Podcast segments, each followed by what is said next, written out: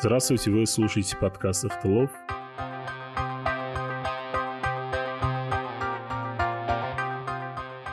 В сегодняшнем эпизоде наш гость Ирина Матвеенко. Ирина Матвиенко, основательница немолчи.ус, фемактивистка, журналистка, блогерка и активистка. Здравствуйте, Ирина. Здравствуйте, Хуршит. Я бы хотел вас спросить, для тех, кто не в курсе, рассказать о вашем проекте «Не молчи». Угу. Проект запустился 15 июля 2017 года. Он направлен на вопросы, э, связанные с насилием, в основном в отношении женщин, на вопросы гендерного равенства, феминизма, ну вот прав человека больше по гендерному направлению. История создания у проекта такая – у нас в 2016 году сменилась власть и начали поднимать очень разные темы, обсуждать. Ну вот при предыдущем президенте, при Каримове тема насилия над женщинами была в принципе табуирована. То есть такая иллюзия, если мы про это не говорим, значит этого нет. Когда начались реформы, поднимали абсолютно разные вопросы, то есть вопрос там экономического характера, вопросы коррупции и так далее. Эта тема продолжала так, оставаться в тени. Я решила, что если начать целенаправленно говорить об этом, то рано или поздно другие подтянутся. Ну, полгода я вела проект анонимно, потому что, опять же, были опасения, а может быть, это действительно тема все еще под запретом. Память такая о репрессиях, которые у нас были ранее, она тоже жива. Но через полгода после запуска у нас уже президент заговорил на этом уровне. То есть если мы открылись в июле 2017 года, то вот январь-февраль 2018 и Мерзиёев поднял тему домашнего насилия над женщиной, а потом через месяц после его заседания уже я сказала, что это мой проект. Действительно, если не говорить о проблеме, это не означает, что эта проблема не существует. Она была, есть. Вот как вы оцениваете нынешнее время домашнее насилие над женщинами в стране. Вы можете как-то охарактеризовать это? Да, ну для начала я сделаю такой реплай, фидбэк. И при Каримове женщине были в высшем эшелоне власти. То есть, э, например, у нас была, ну, из последних, я помню, Галина Саидова, а, министр экономики. То есть, представьте, это достаточно тоже такая высокая должность, она была на уровне правительства. Это еще женщина в такой сфере, экономика, которая у нас считается связана с математикой, традиционно мужской. И мне повезло с ней встретиться один раз, я слушала ее выступление, и, конечно, это был такой, знаете, поразительный контраст. То есть она уже, ну, понятно, что она в возрасте, у нее было выступление на открытии завода, она говорила без бумажки, оперировала очень разными цифрами, то есть связано мы туда инвестировали, сюда, вот здесь в бюджете, столько в бюджете, такие обороты и так далее. После нее выступал Хаким области, который, ну, наверное, раз в два моложе ее. И он просто блеял что-то, он там говорит, э, у, ничего вспомнить не мог, никакой конкретики. То здесь была прям видна колоссальная разница да, между женщиной такого уровня и мужчиной, который это занимает. Я даже к ней потом подошла, выразила свое такое восхищение. Я говорю, а как вы все это запомнили? Потому что ни бумажки, ничего. У Хакима, кстати, был еще листик, по которому читать, он даже с этим не справился. Она на меня смотрит и говорит, ну, а как же? Я же в этой сфере работаю. Он говорит, я обязана знать, что происходит в стране по вот этим направлениям. Теперь возвращаясь как бы к вашему вопросу, но, на мой взгляд, какие-то изменения идут. То есть нельзя отрицать, что прям ничего не изменилось. Но я считаю, что работы недостаточно. Более того, работы результатов гораздо меньше, чем должно было быть за это время. То есть, на мой взгляд, результатов гораздо меньше, чем могло было быть за это время. И меня это, конечно, не радует. Например, в составе правительства Узбекистана сейчас по-прежнему всего одна женщина. То есть, представляете, страна три года говорит о гендерном равенстве, о том, как важно привлекать женщин на руководящие позиции и так далее. Но если мы смотрим состав кабинета министров, то там у нас красуется Агриппина Шин, единственная женщина. Все остальные люди — это мужчины. То есть 2,5% женщин в составе правительства Узбекистана. Когда я поднимала этот вопрос, мне говорят, нет, все равно женщин выдвигают на руководящие позиции. Окей, откройте сайт любого министерства и заходите в состав министерства. То есть это министры и их замы. Я вам скажу, что даже в таких традиционно женских сферах, как образование и здравоохранение, ситуация также печальна. Например, в системе народного образования совсем нет женщин на уровне руководящего состава. В системе здравоохранения среди, по-моему, восьми замов одна женщина — это Эльмира Иркиновна Баситханова. Больше женщин нет. То есть если даже женщин выдвигают на уровень руководства, их, значит, ставят начальницами отделов каких-то и так далее, но на уровень принятия решений э, женщин не пускают.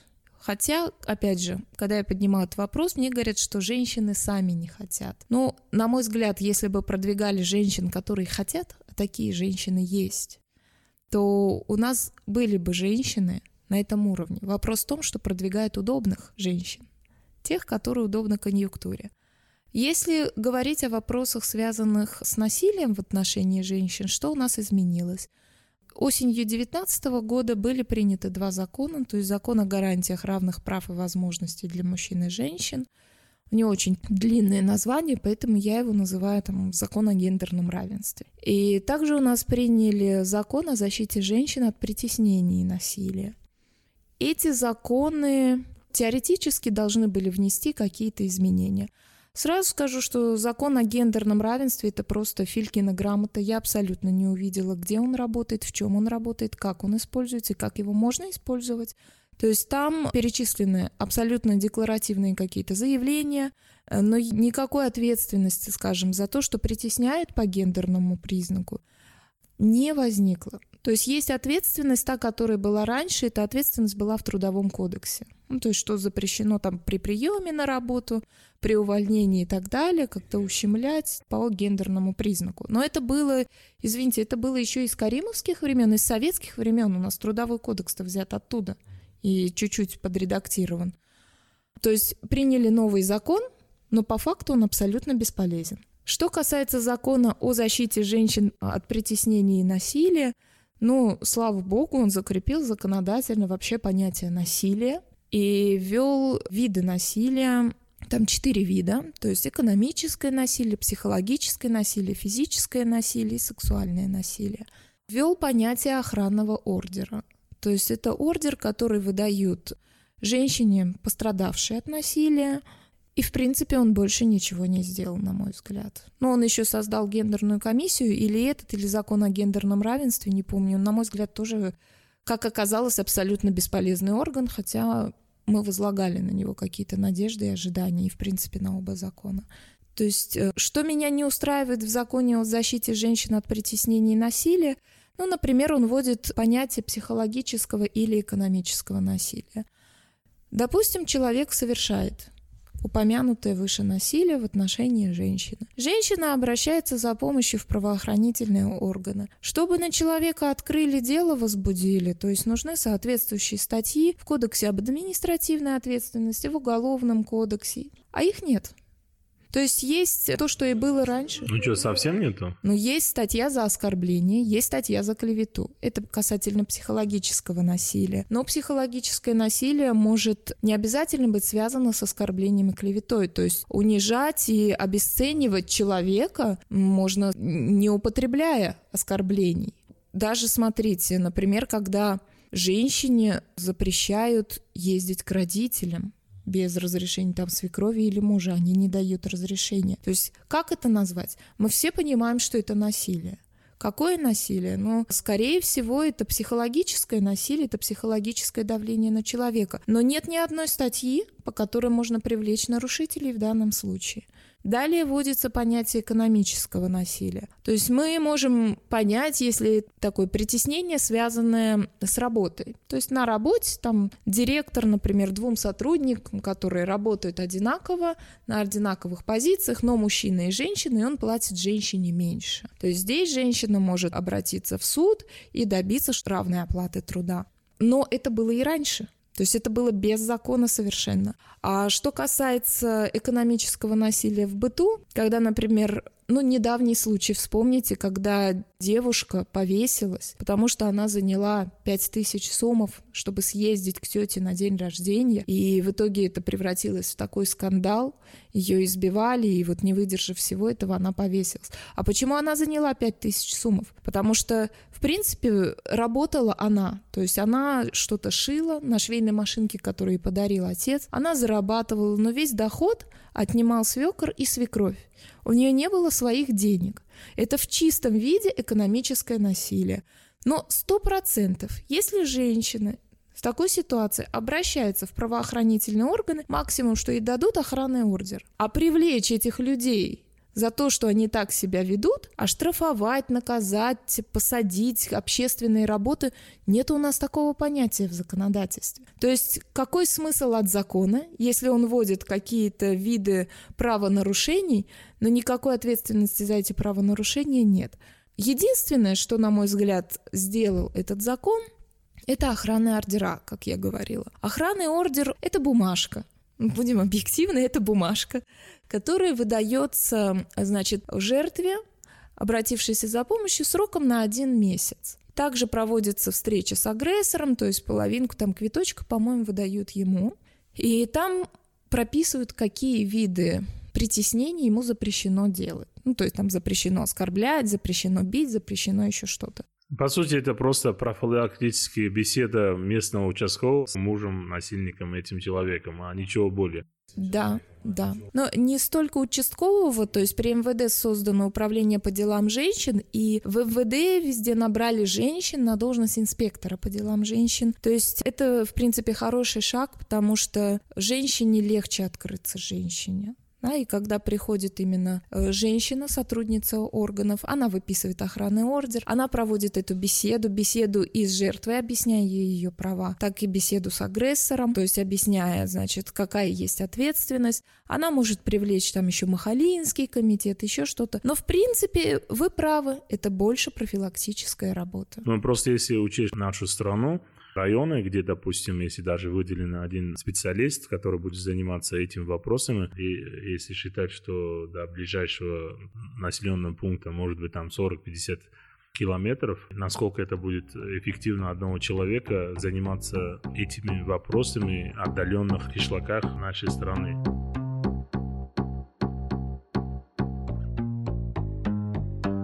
И вторая категория – это пенсионеры.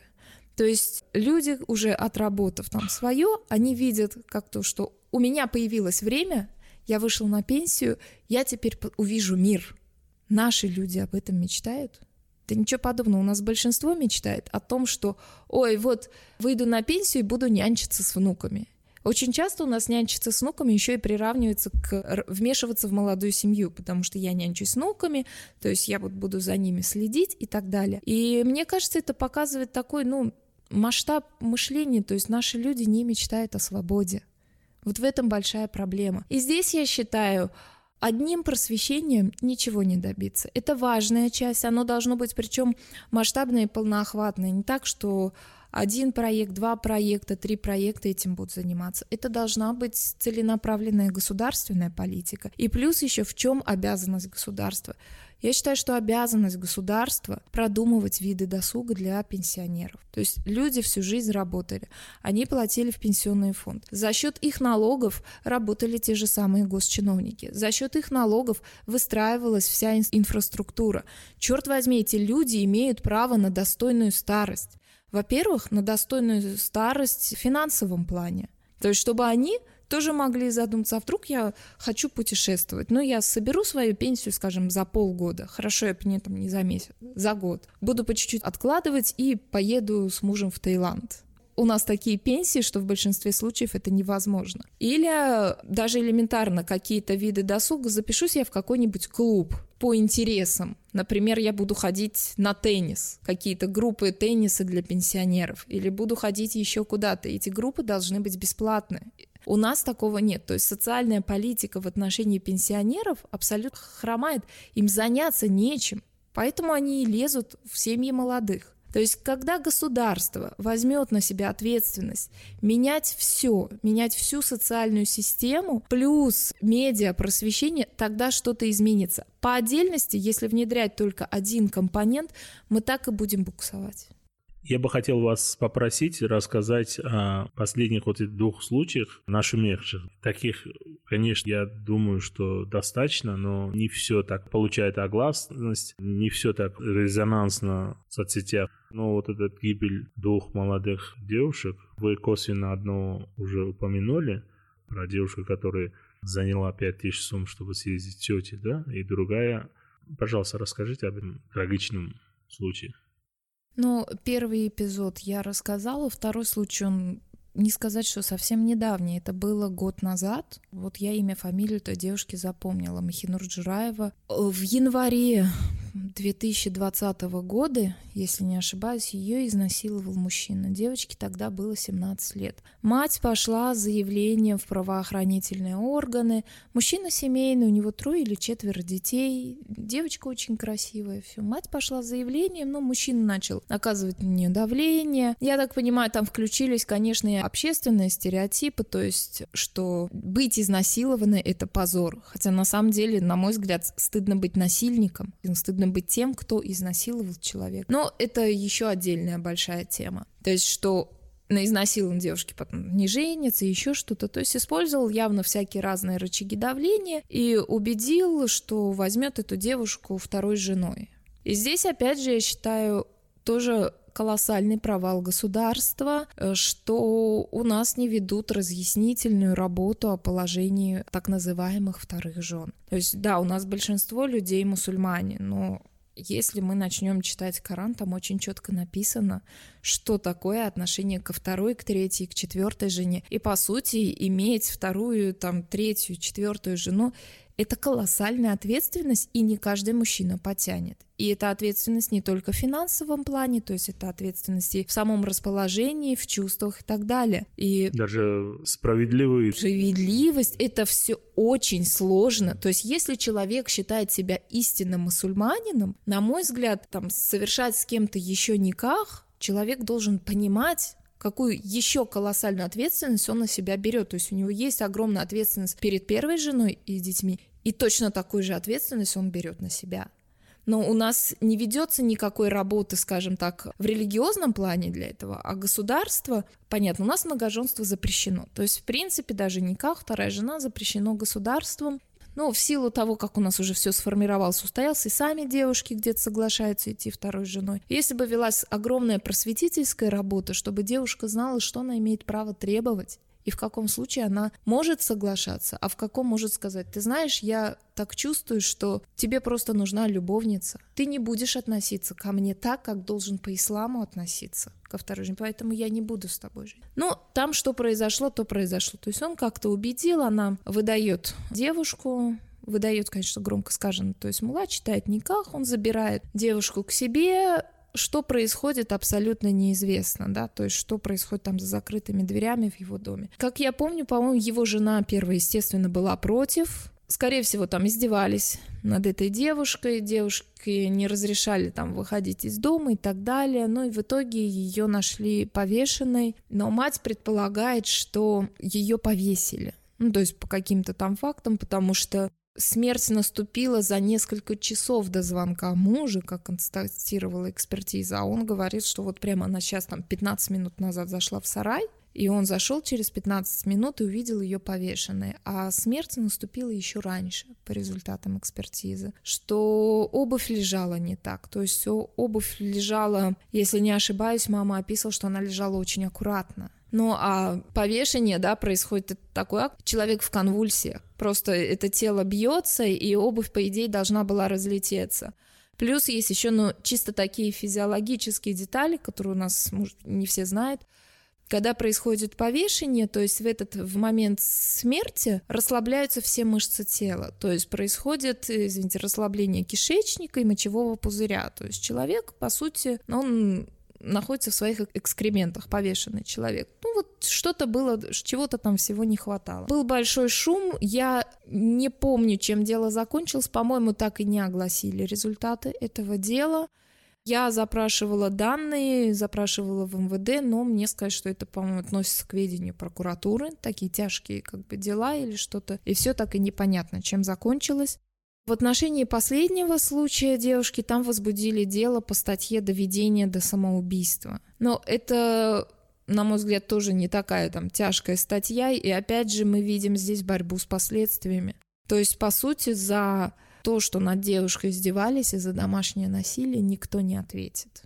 А сколько девушек живут в этом? И знаете, данный кейс, э, на мой взгляд, я боюсь, как бы он не побудил, в том числе других девушек. Как цепная реакция. Да, которые оказываются в такой ситуации, потому что случай резонансный. Если бы был случай, что вот их еще и наказывают за насилие, которое совершали они над девушкой, причем наказание достаточно суровое должно быть, то другие девушки в такой же ситуации подумают, ну надо же, чтобы не доводить вот до такого, я могу обратиться в правоохранительные органы, собрать доказательства, и их посадят, привлекут к общественным работам. Ну хотя бы защитит меня. Да, то есть она будет... А здесь она понимает, что государство защитит, там их накажет, только в таком случае. И вот, кстати, про их накажет же, опять же, мы возвращаемся к такой психологии человека, который находился в угнетении. Не всегда эти люди, опять же, мечтают о свободе, то есть они могут мечтать о мести. То есть если над ней очень сильно издевались, она видит свою вот эту беззащитность, и она уже думает, как отомстить, и она знает, что а если я повешусь, то их накажут. То есть это может быть даже воспринято как некий акт мести, но не такой прям продуманный, осознанный, да, а скорее какую-то минуту отчаяния в момент безысходности. Ну, это психология, это психология жертвы. Вот я умру, и все будут плакать, все будут страдать, и я обрету свободу. Вот мы не можем это конкретно говорить. Да, да, да. Но я бы не сказала, это чисто психология жертвы. То есть мы не можем говорить, что там в голове у них происходит. У нас же есть и другие трагические случаи, когда, например, женщины там бросаются в канал вместе с детьми или что-то. То есть они убивают не только себя, но и детей. Вот именно я хотел вот об таких случаях. Вот когда женщина решается на самоубийство, к сожалению, она забирает детей в буквальном смысле с собой. Я в этих ситуациях, конечно, не хочу винить ее, но она находилась под колоссальным давлением, да, вот состояние эффекта. Не знаю, что побудило, я никогда это не пойму но были очень много случаев, когда женщина, совершая акт самоубийства, она как бы забирала детей. Судьба этих детей, как они закончили, конечно, это очень трагично. Но здесь, мне кажется, это просто колоссальная степень отчаяния и безысходности. Чтобы женщина там прям приняла это решение с детьми, скорее всего, она не видит будущего для своих детей тоже.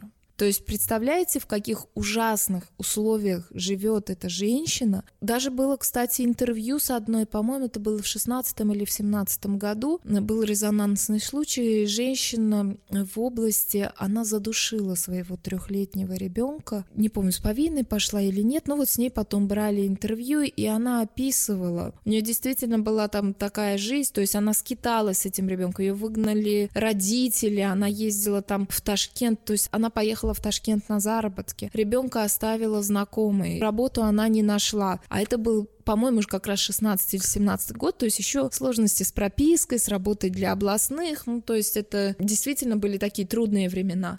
Тут ее знакомый говорит, там, забирай своего ребенка, он мне не нужен, я следить за ним не буду. И вот она возвращается за ребенком, и вот в этот вот момент ей просто некуда идти. Она на улице, она пыталась как-то выкарабкаться, она пыталась найти работу, но у нее не сложилось. Конкретно в тот момент, видимо, ее накрыло вот это бездна отчаяния. Она прям так и описывала, я не хотела такой жизни своему сыну. То есть она видела жизнь как что-то такое, где прям не выживешь, где ты будешь мучиться, потому что ее жизнь была полна мучений. И вот в состоянии вот этого аффекта, видимо, всех вот этих мыслей, она душит своего ребенка, желая ему как бы блага. Ну, то есть вот я сейчас тебя задушу, но ты дальше не будешь мучиться. Это, конечно, для нас, наверное, кажется такой ход мысли очень странным, извращенным и так далее, но, вероятно, то, что для нее так сложилось в тот момент, ей это казалось таким способом освободить своего ребенка. И, возможно, ну, она выжила, она, по-моему, тоже что-то там пыталась сделать, не помню. Возможно, другие женщины испытывали то же самое. То есть тот случай, где женщина с девочками, с дочерьми под поезд кинулась, Она же не просто так кинулась, то есть ее гнобил муж за то, что она не может родить мальчика. И глядя на своих дочерей, она не могла не транслировать свою ситуацию на них. То есть наверняка она боялась, она боялась, что вот вырастет моя девочка, да, там, солнышко мое ненаглядное, а ее точно так же муж будет гнобить, если у нее не получится. То есть ей жить не хочется, и вот она в такой же ситуации. Очень сложно здесь говорить, то есть да, у нас любят винить, что сама виновата, там, женщина и так далее. Я считаю, что в таких трагедиях в первую очередь виновато государство опять же, потому что государство, ну, если мы смотрим правозащитный подход, оно носитель обязанностей. Оно обязано создавать для своих граждан безопасную атмосферу. Оно обязано создавать такую среду, где граждане смогут получить помощь, где смогут найти выход, даже люди в таких в отчаявшихся ситуациях. И э, если здесь начать упрекать государство, они на самом деле отчитаются, что у нас там вот создано вот это, открыто вот это и так далее. Но какой толк, если женщины в глубинке об этом не знает? Или какой толк от ваших систем, если в маленьких кишлаках, там на 30 домов, если происходит конфликт, скажем, с председателем Махалинского комитета, то сложно добиться правды, потому что участковый там, скорее всего, какой-то родственник с Махалинским комитетом, то есть все люди, которые имеют... Они сидят, э, во-первых, сидят за соседним дверью. Да, они все повязаны, они часто связаны родственными связями, да в принципе вот из тех маленьких регионов, которые к нам обращаются, наверное, даже не часто, практически всегда. То есть кто-то чей-то родственник. И фактически получается, что ими управляет какой-то клан всей вот этой местностью, какой-то клан. Невозможно там добиться справедливости. А еще, если, не дай бог, женщина, прям у нас был случай, она замужем за кем-то из этого клана, и она становится жертвой, то есть над ней издеваются. Для нее вообще, наверное, единственный выход это действительно с моста или в окно. Ну, в окно там одноэтажные дома.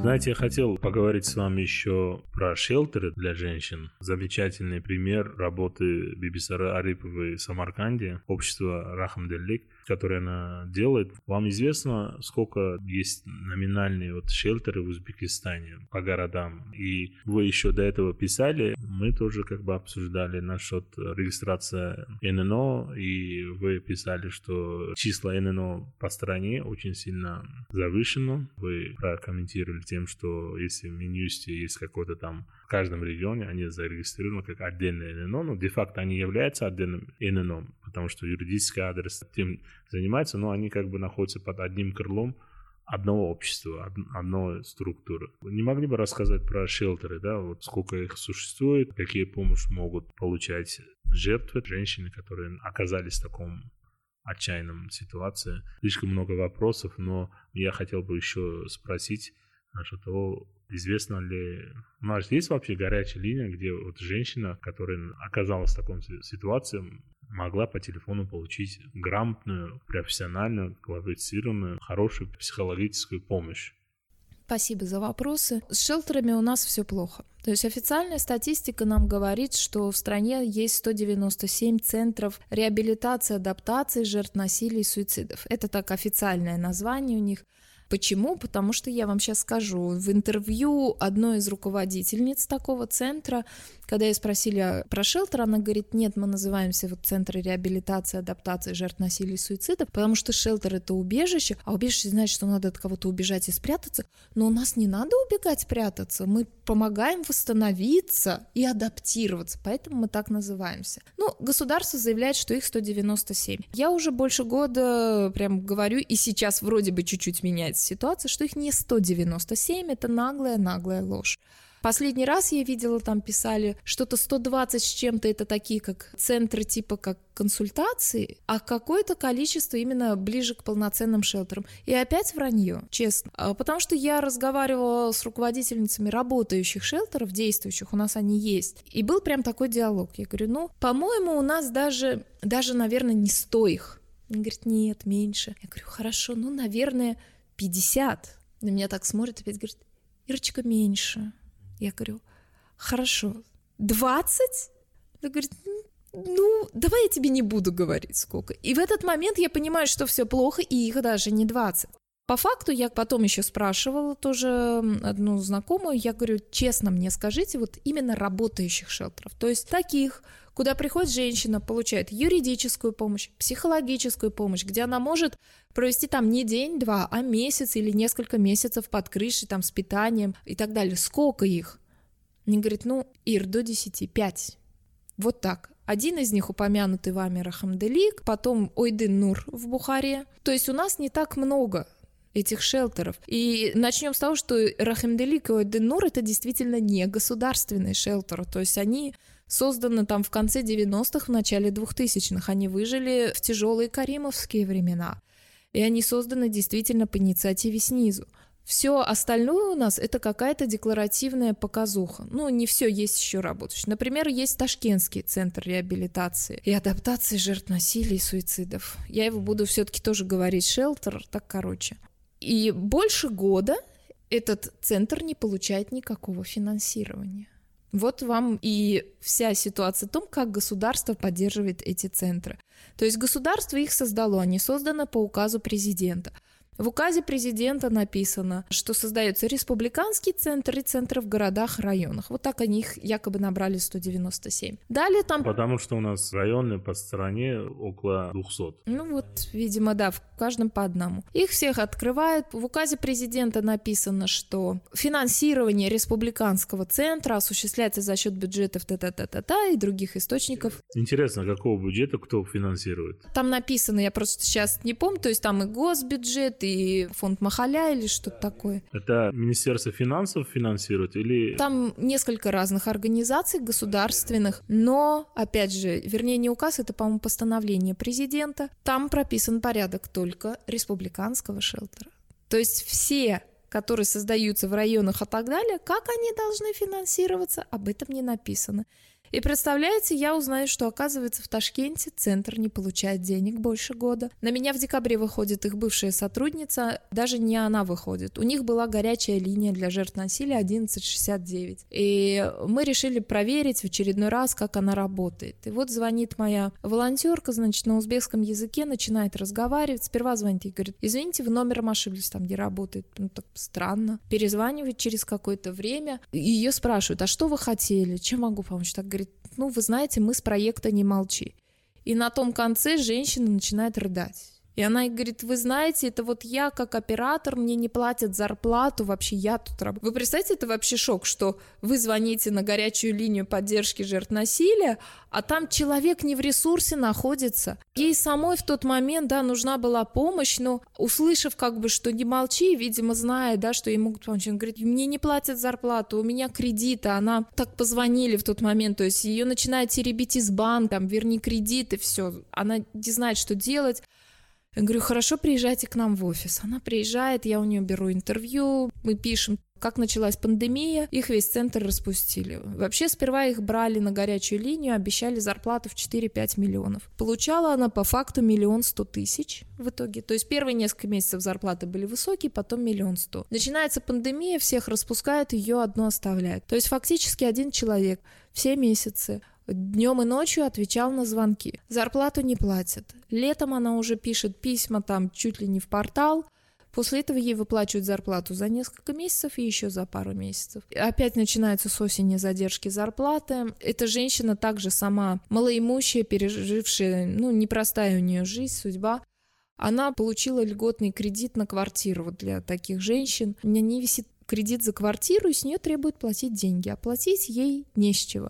Она пишет уже в Министерство труда, что ей задерживают зарплату. Министерство труда проводит проверку и присылает ей что. Но мы проверили, в шелтере нету денег, как будут, вам заплатят. И все. И вот она к нам обращается, озвучивает свою историю, это было начало декабря. Я говорю, давайте мы вам это, ну, соберем какую-то, я напишу вашу историю, чтобы вам на карту закинули деньги.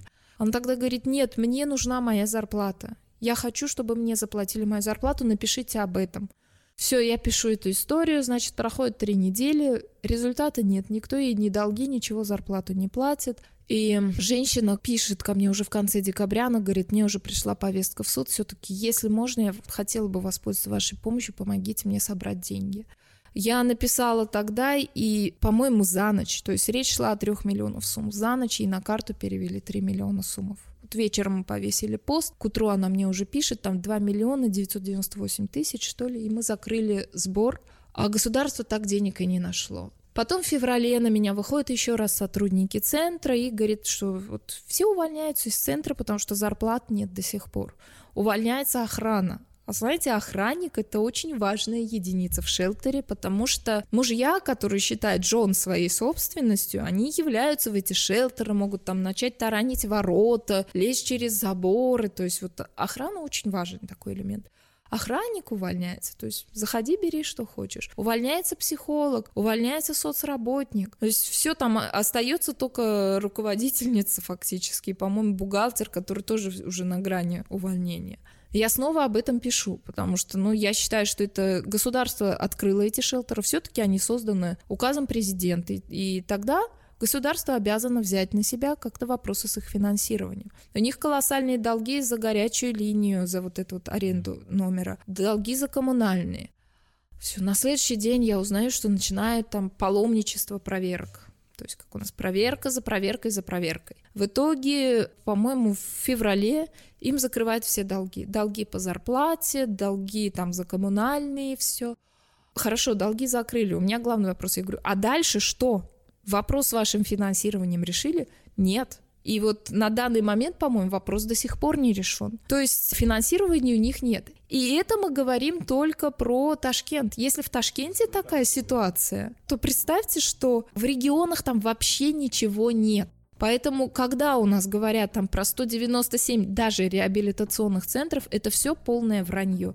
И я уже не знаю, сколько, кому еще об этом нужно сказать, чтобы государство наконец призналось в этом. Потому что на иностранцев это производит колоссальное впечатление, когда им говорят, что у нас 197 шелтеров, но они, иностранцы, мыслят своими категориями. Они же знают, что такое у них шелтеры. У них в странах столько шелтеров нет.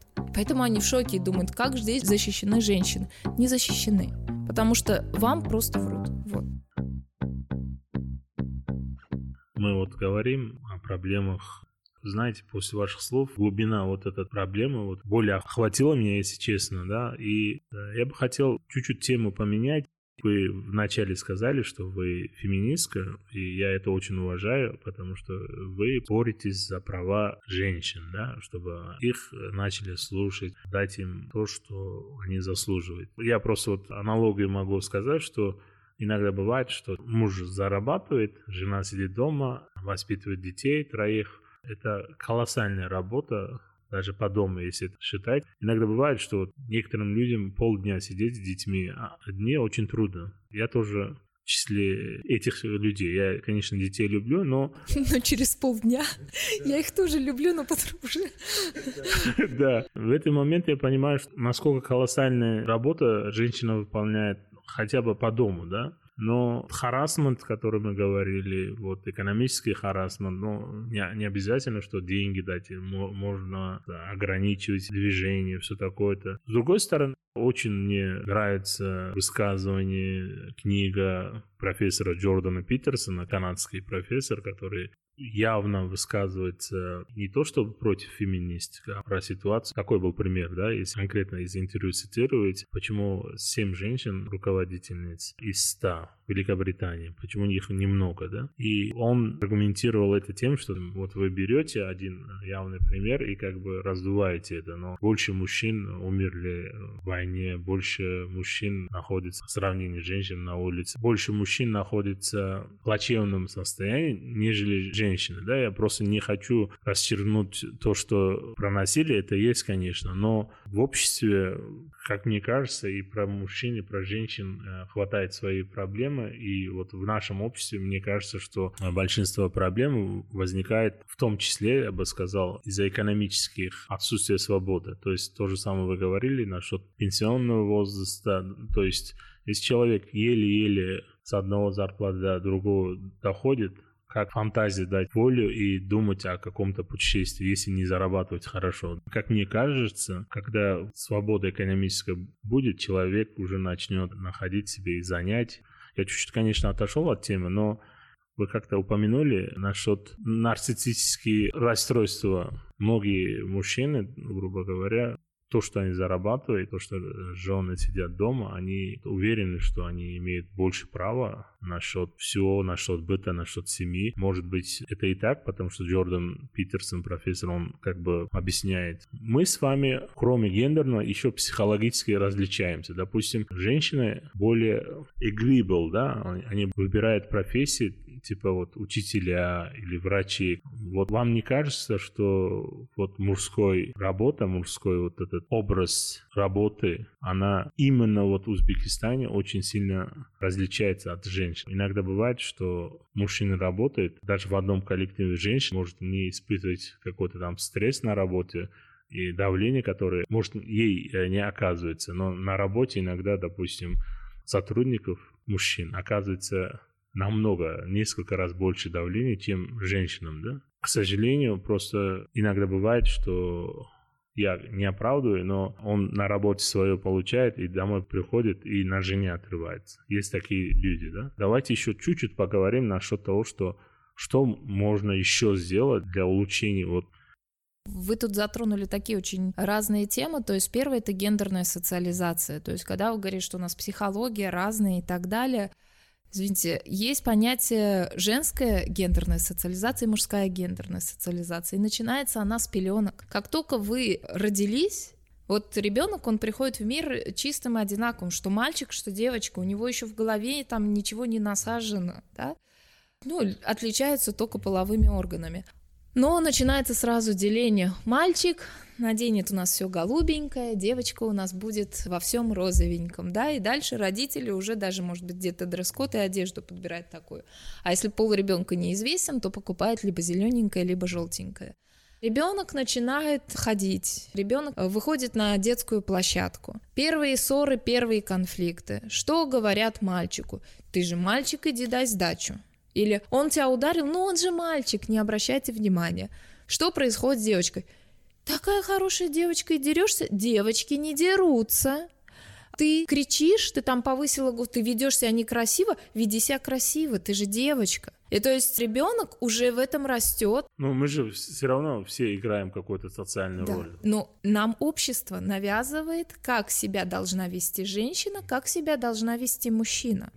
То есть это диктует именно гендерная социализация, и она основывается на тех самых стереотипах. Что происходит дальше? То есть, опять же, когда происходит учеба в школе. То есть мальчик хулиган, но он же мальчик. Мальчик прогуливает, но он же мальчик. Мальчик плохо учится, хамит, грубит, он же мальчик. Представьте такое же поведение от девочки.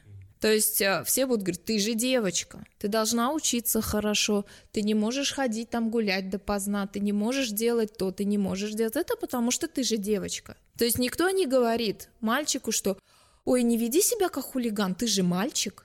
Для нас вообще эта фраза как-то в таком контексте уже режет слух. Или наоборот, никто не скажет там, пиши красиво и аккуратно, ты же мальчик. Но когда говорят то же самое в адрес девочки, это уже звучит нормально. И простейший прием определить, если эти гендерные стереотипы, просто поменяйте пол местами. То есть меняется пол местами, вот как в данных примерах, мы меняем там мальчика на девочку, и если мы внутри чувствуем, что нам становится неуютно, и эта фраза нам непривычна, значит, перед вами стопроцентный гендерный стереотип. Хотя по факту хулиганить могут девочки, и мальчики могут быть покладистыми и прилежными. Но общество уже диктует, какими надо быть. Что мы получаем в результате? А в результате мы получаем, что 90% всех преступлений в мире и в Узбекистане тоже совершают мужчины. Потому что мужчине с детства говорят, что хулиганить, плохо себя вести, что-то нарушать — это нормально. А девочкам запрещают и так далее. Я не говорю о том, что надо там разрешать всем хулиганить и так далее, но если бы был баланс, потому что, знаете, хулиганить и нарушать правила и какие-то общественные нормы — это всегда неприятно. И спускать это просто потому, что мальчик, тоже недопустимо, но общество само это поощряет. Дальше у нас появляются те же самые гендерные роли, вот упомянутые вами, что на войне погибло больше мужчин и так далее. Мы не живем сейчас в военное время, в принципе. И строить общество основываясь на законах военного времени, которые были актуальны там 100, 200, 300 лет назад или в средние века, когда, в принципе, все друг с другом воевали, да. Но это, наверное, не очень логично в 21 веке жить по тем же законам 14 века просто немножечко нелогично. Часто приводят, например, что хотите равноправия, женщины идите в шахту. Мне всех вот этих вот умников хочется спросить, миленький, поделись своим опытом в шахте. Ведь в большинстве случаев это сидит какой-то, извините, задрыпанный офисный клерк за компьютером, который купило ему начальство, на который он не заработал. Он сидит с 9 до 6 от зарплаты до зарплаты и умничает про равноправие. Но ты сам в шахтах поработал? Может, ты орава потягал на базаре? Ты же как рос тебе с детства в попку дула, мама, папа, тебя передали там в институт, ты, сыночка, вот этот закончишь на работу, ты сюда пойдешь и умничаешь. Ну, вы сами уже не такие. Что вы этого требуете от женщины? В конце концов, если нету других условий работы, кроме шахты. У женщины должно быть право в том числе пойти работать в шахту, если она видит в этом единственный способ дохода. А в некоторых странах эта профессия находится в запрещенных для женщин. Но альтернативы у женщин нет, чтобы прокормить. Это несправедливо. То же самое про армию. То есть снова поражает логика, когда мужчины говорят, что тогда идите в армию. Вы знаете, что большинство феминисток вообще выступает за отмену армии? То есть, черт возьми, феминистки с какого-то фига еще мужики из-за вас борются. Потому что вот армия в каком виде у нас есть, когда берут людей, которые совершенно не хотят идти в армию, или когда родители ищут, я не знаю сейчас сколько, 4-5 миллионов, чтобы сыночка месяц провел на курорте, это называется в армию, это просто извращенная система. Армия должна быть контрактной. Люди должны идти туда осознанно. И причем туда могут пойти как мужчины, так и женщины, я считаю. И они должны получать за это, да, какие-то льготы, потому что это риск. Но абсолютно должны быть равны. То есть вместо того, чтобы бороться за свои права, мужики начинают указывать женщинам, где еще они могут быть угнетенными. Мужчина, ну вы выступаете за отмену армии. Про рабочее время, которое вы упомянули. Ну, например, я знаю, что на госслужбе женщин могут там отпустить с работы пораньше, типа это женщины и так далее. Ну, во-первых, это называется дружелюбный сексизм. То есть, когда отношение такое, что на тебя, на мужика я нару, а это же наша девочка, это вы... Девочки, вы цветы жизни, особенно 8 марта. Это торжество дружелюбного сексизма. Что вы, наши украшения коллектива, цветите нас и радуете, а 9 марта там уже все и, и забьем и так далее, еще что-нибудь сделаем. 8 марта все мужчины вообще-то празднуют. Ну, это вообще очень, очень неоднозначный такой праздник. Вы согласны, что физиологически и э, каком-то психологически мужчина и женщина отличаются друг от друга? А, физиологически, да, психологически нет. То есть все, что, все нам диктует гендерная социализация. Ирина, большое спасибо за столь интересное интервью. Я напоминаю, сегодняшний наш гость Ирина Матвиенко, основательница проекта немолчи.уз. А меня зовут Хуршид Али Марданов. Спасибо, что вы дослушали нас до конца. Попрошу вас поделиться этим подкастом с друзьями, оставить отзывы, написать комментарии. Тем самым вы очень сильно поможете в продвижении этого подкаста. Также вы можете слушать этот подкаст на YouTube-канале. Ссылка будет в описании. На этом сегодня у меня все. До следующего раза. Берегите себя.